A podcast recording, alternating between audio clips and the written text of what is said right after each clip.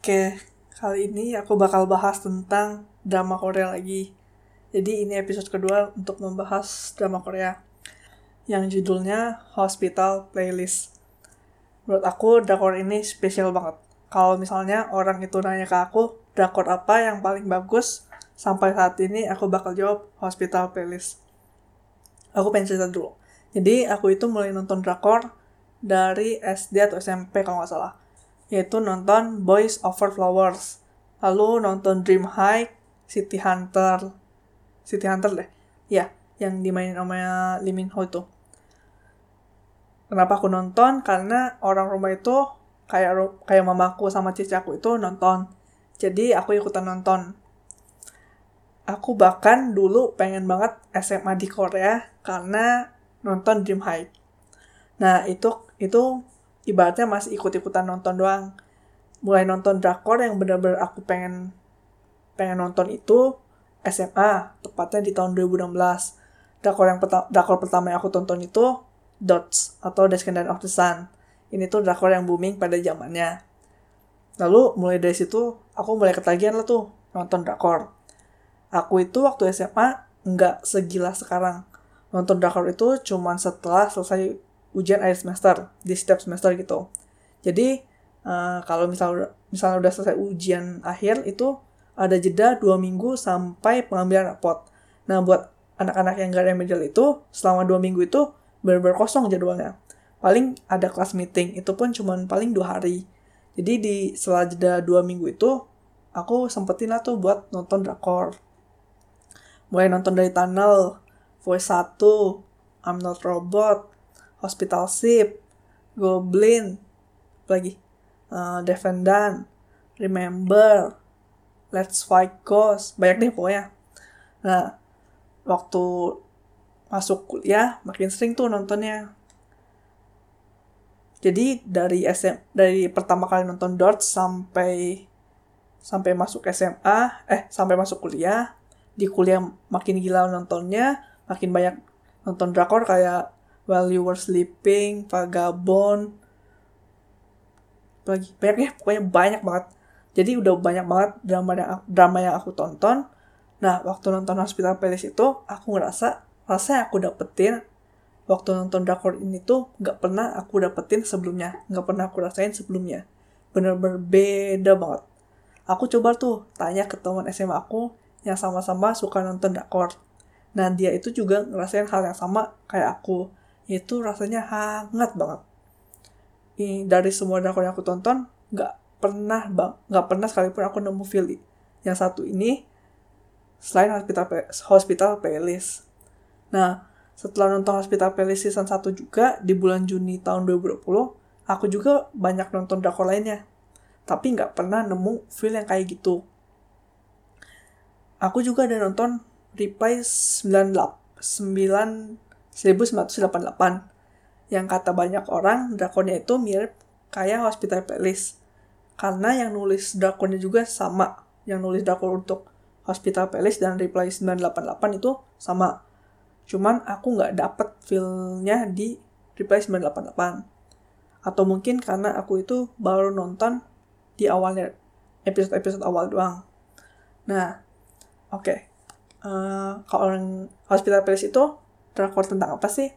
Jadi Hospital Playlist ini menceritakan tentang lima orang sahabat, empat cowok dan satu cewek yang sama-sama berprofesi sebagai dokter di satu rumah sakit dengan spesialisasi yang berbeda di di pokoknya dari lima orang ini punya spesialisasi masing-masing. Nah, mereka ini udah mulai berteman ketika mereka berkuliah di tahun 1999. Jadi mereka itu satu, satu angkatan, masuk kuliah bareng, lalu udah berteman 20 tahunan. Karena diceritain itu, Hospital Palace itu di tahun 2019 diceritainnya. Jadi udah udah kurang lebih 20 tahunan mereka berteman. Tapi nggak cuma lima dokter itu aja. Ada juga dokter-dokter lainnya yang jadi pemain pendukung. Yang menurut aku, pemain pendukung ini membuat drakor ini tuh makin seru deh buat ditonton. Ya aku suka ya, konfliknya itu ringan. Awal-awal nonton drakor ini kayak selalu mikir yang hal-hal yang nggak-nggak pokoknya. kayak selalu ngambil asumsi yang terburuk yang bisa terjadi. Kayak misalnya lagi nyetir mobil tiba-tiba ditabrak lah atau apa pun itu pokoknya. Taunya nggak nggak terjadi gitu. Lalu hmm, konflik di drakor ini tuh kayak nggak nggak dibuat panjang gitu. Jadi uh, penyelesaian konflik penyelesaian konfliknya itu cepat tapi selesai satu konflik muncul lagi yang baru nggak kayak drakor yang pada umumnya gitu yang 16 episode baru selesai baru selesai konfliknya gitu. Lalu mungkin ada yang nanya nih, cerita tentang rumah sakit pastinya banyak ceritain penyakit penyakit yang serius, kematian dan lain-lain. Kalau itu emang jelas. Tapi menurut aku fokusnya itu nggak ke sana. Fokusnya itu lebih ke arah persahabatan di antara lima orang ini dan kehidupan sehari-hari dari lima dokter ini dengan tokoh-tokoh lainnya di dalam dokter ini. Menurut aku konflik penyakitnya ini kayak hmm, lebih menggambarkan tentang kehidupan di rumah sakit gitu. Nah dari konflik konflik penyakit ini juga banyak yang bisa kita ambil pelajaran gitu. Hmm, kayak misalnya nggak lupa bersyukur, jaga kesehatan badan kita gitu deh pokoknya. Lalu yang uniknya dari drakor itu, lima dokter ini punya hobi untuk bermain musik. Jadi kayak di setiap episodenya itu pasti ada scene di mana mereka itu main band bareng. Dan lagu yang mereka nyanyiin itu menggambarkan mood pada episode tersebut. Jadi uh, lima orang dokter ini punya kebiasaan untuk bermain band dari kuliah. Oke, Lalu apa aja yang aku dapetin dari drakor ini? Yang paling utama persahabatan. Sama kayak drakor Five for My Way yang di episode pertama podcast aku tentang bahas tentang drakor. Menurut aku persahabatan di antara lima tokoh ini kayak tulus banget deh. Kalau lagi sedih nggak bingung harus nelpon siapa, lagi seneng nggak bingung harus ngungkapin ke siapa. Kalau lagi kalau kita lagi susah mereka datang tanpa disuruh, lalu nggak bingung pengen ngajak makan di luar ke siapa. Pokoknya keren banget deh. Kalau kalian punya teman kayak gini pertahanin guys. Susah dapet teman kayak gini. Aku lalu aku ngerasa juga kayak nonton drakor ini harus mu, harus mengurangi hidup tidak sehat aku dan mulai hidup sehat. Karena dapat banget kesan uh, kesan kalau kesehatan kesehatan itu mahal banget deh karena di di drakor itu banyak banyak menceritakan tentang penyakit-penyakit aneh deh. Uh, lalu, kalau Alexander Rubin ini pernah bilang, sesuatu yang mahal, sangat mahal yang kita miliki, tetapi kita sering sia-siakan itu adalah waktu dan perhatian kita. Itu bener banget, tapi aku pengen nambahin satu hal, yaitu kesehatan. Jadi salah satu barang yang barang yang sangat berharga yang kadang kita suka sia-siain itu salah satunya adalah kesehatan kita.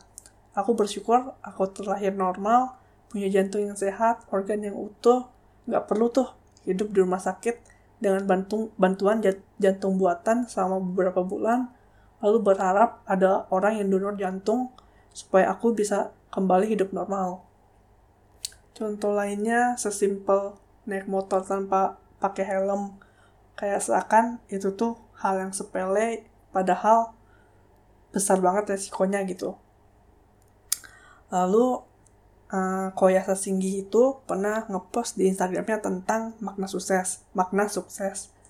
Jadi Koya uh, intinya gini deh Koyasa ini bilang kadang kita itu nggak sadar kalau makna sukses yang kita miliki itu didorong oleh keinginan orang lain. Contohnya sesimpel kita itu beli barang hanya untuk uh, untuk mengimpress orang lain.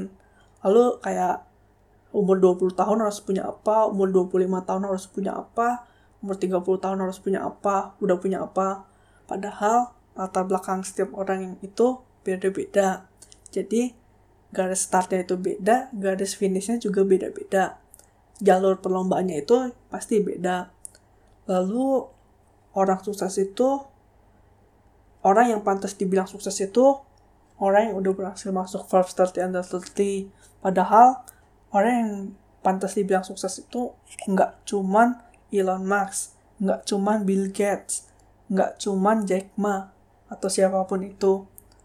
Jadi seakan-akan mengukur sukses itu hanya dengan uang, valuasi, aset, atau barang branded yang kita miliki. Lalu gimana dengan kesehatan yang kita miliki?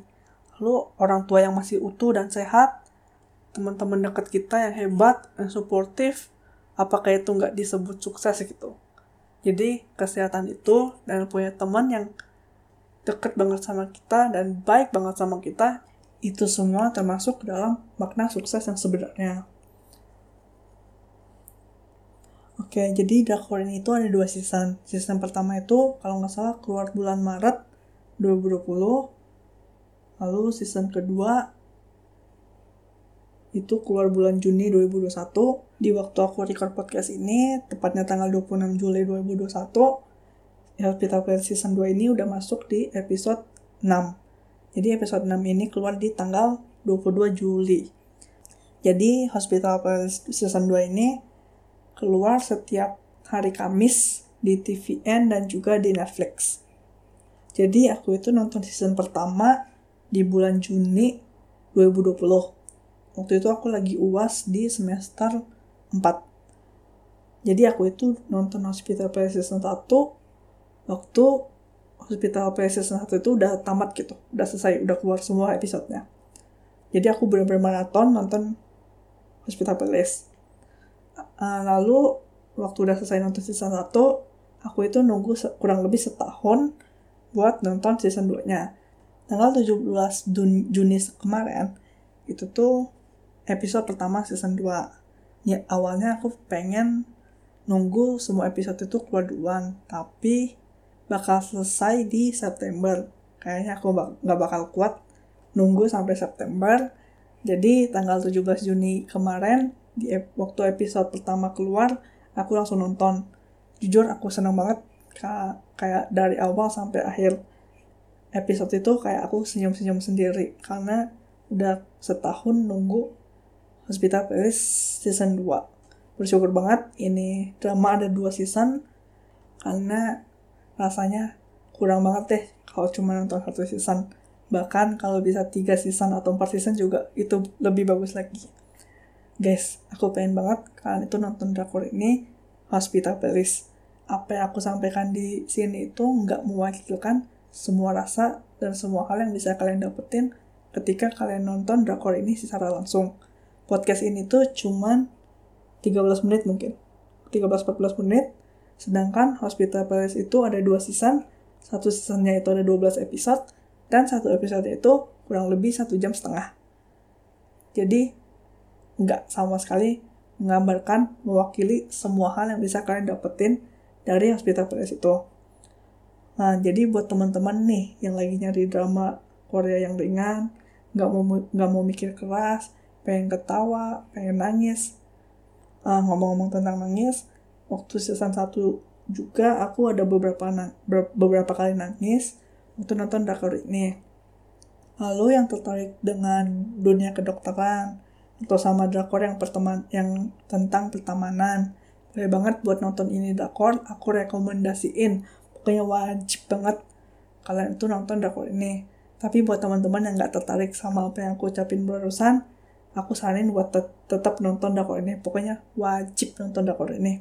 Kalau bisa sebelum nonton Dakor ini tuh kalian harus apa ya banyakin nonton Dakor-Dakor lain supaya bisa ngerasa apa yang aku maksud di awal podcast ini yaitu rasa yang aku dapetin di Dakor ini beda banget dari Dakor-Dakor sebelumnya yang aku pernah tonton. Sama sekali nggak pernah aku dapetin di Dakor lain yang aku tonton. Aku bingung sih bilangnya apa tentang rasa yang aku dapetin dari drakor ini. Aku cuma bisa definisin rasa hangat pokoknya yang aku dapetin dari drakor ini. Pokoknya beda banget deh dari drakor-drakor lainnya oh iya aku lupa bilang genre dari drakor ini. Drakor ini tuh genrenya romance. Terus komedi habis itu medical drama sama friendship deh. Jadi buat teman-teman yang nyari drakor pengen buat pengen ketawa cocok banget deh buat nonton drakor ini karena banyak banget adegan lucu-lucunya. Seru banget pokoknya. Lalu untuk pemeran utamanya aku ketik di deskripsi podcast ini aja ya. Karena jujur takut salah sebut. Oke? Okay?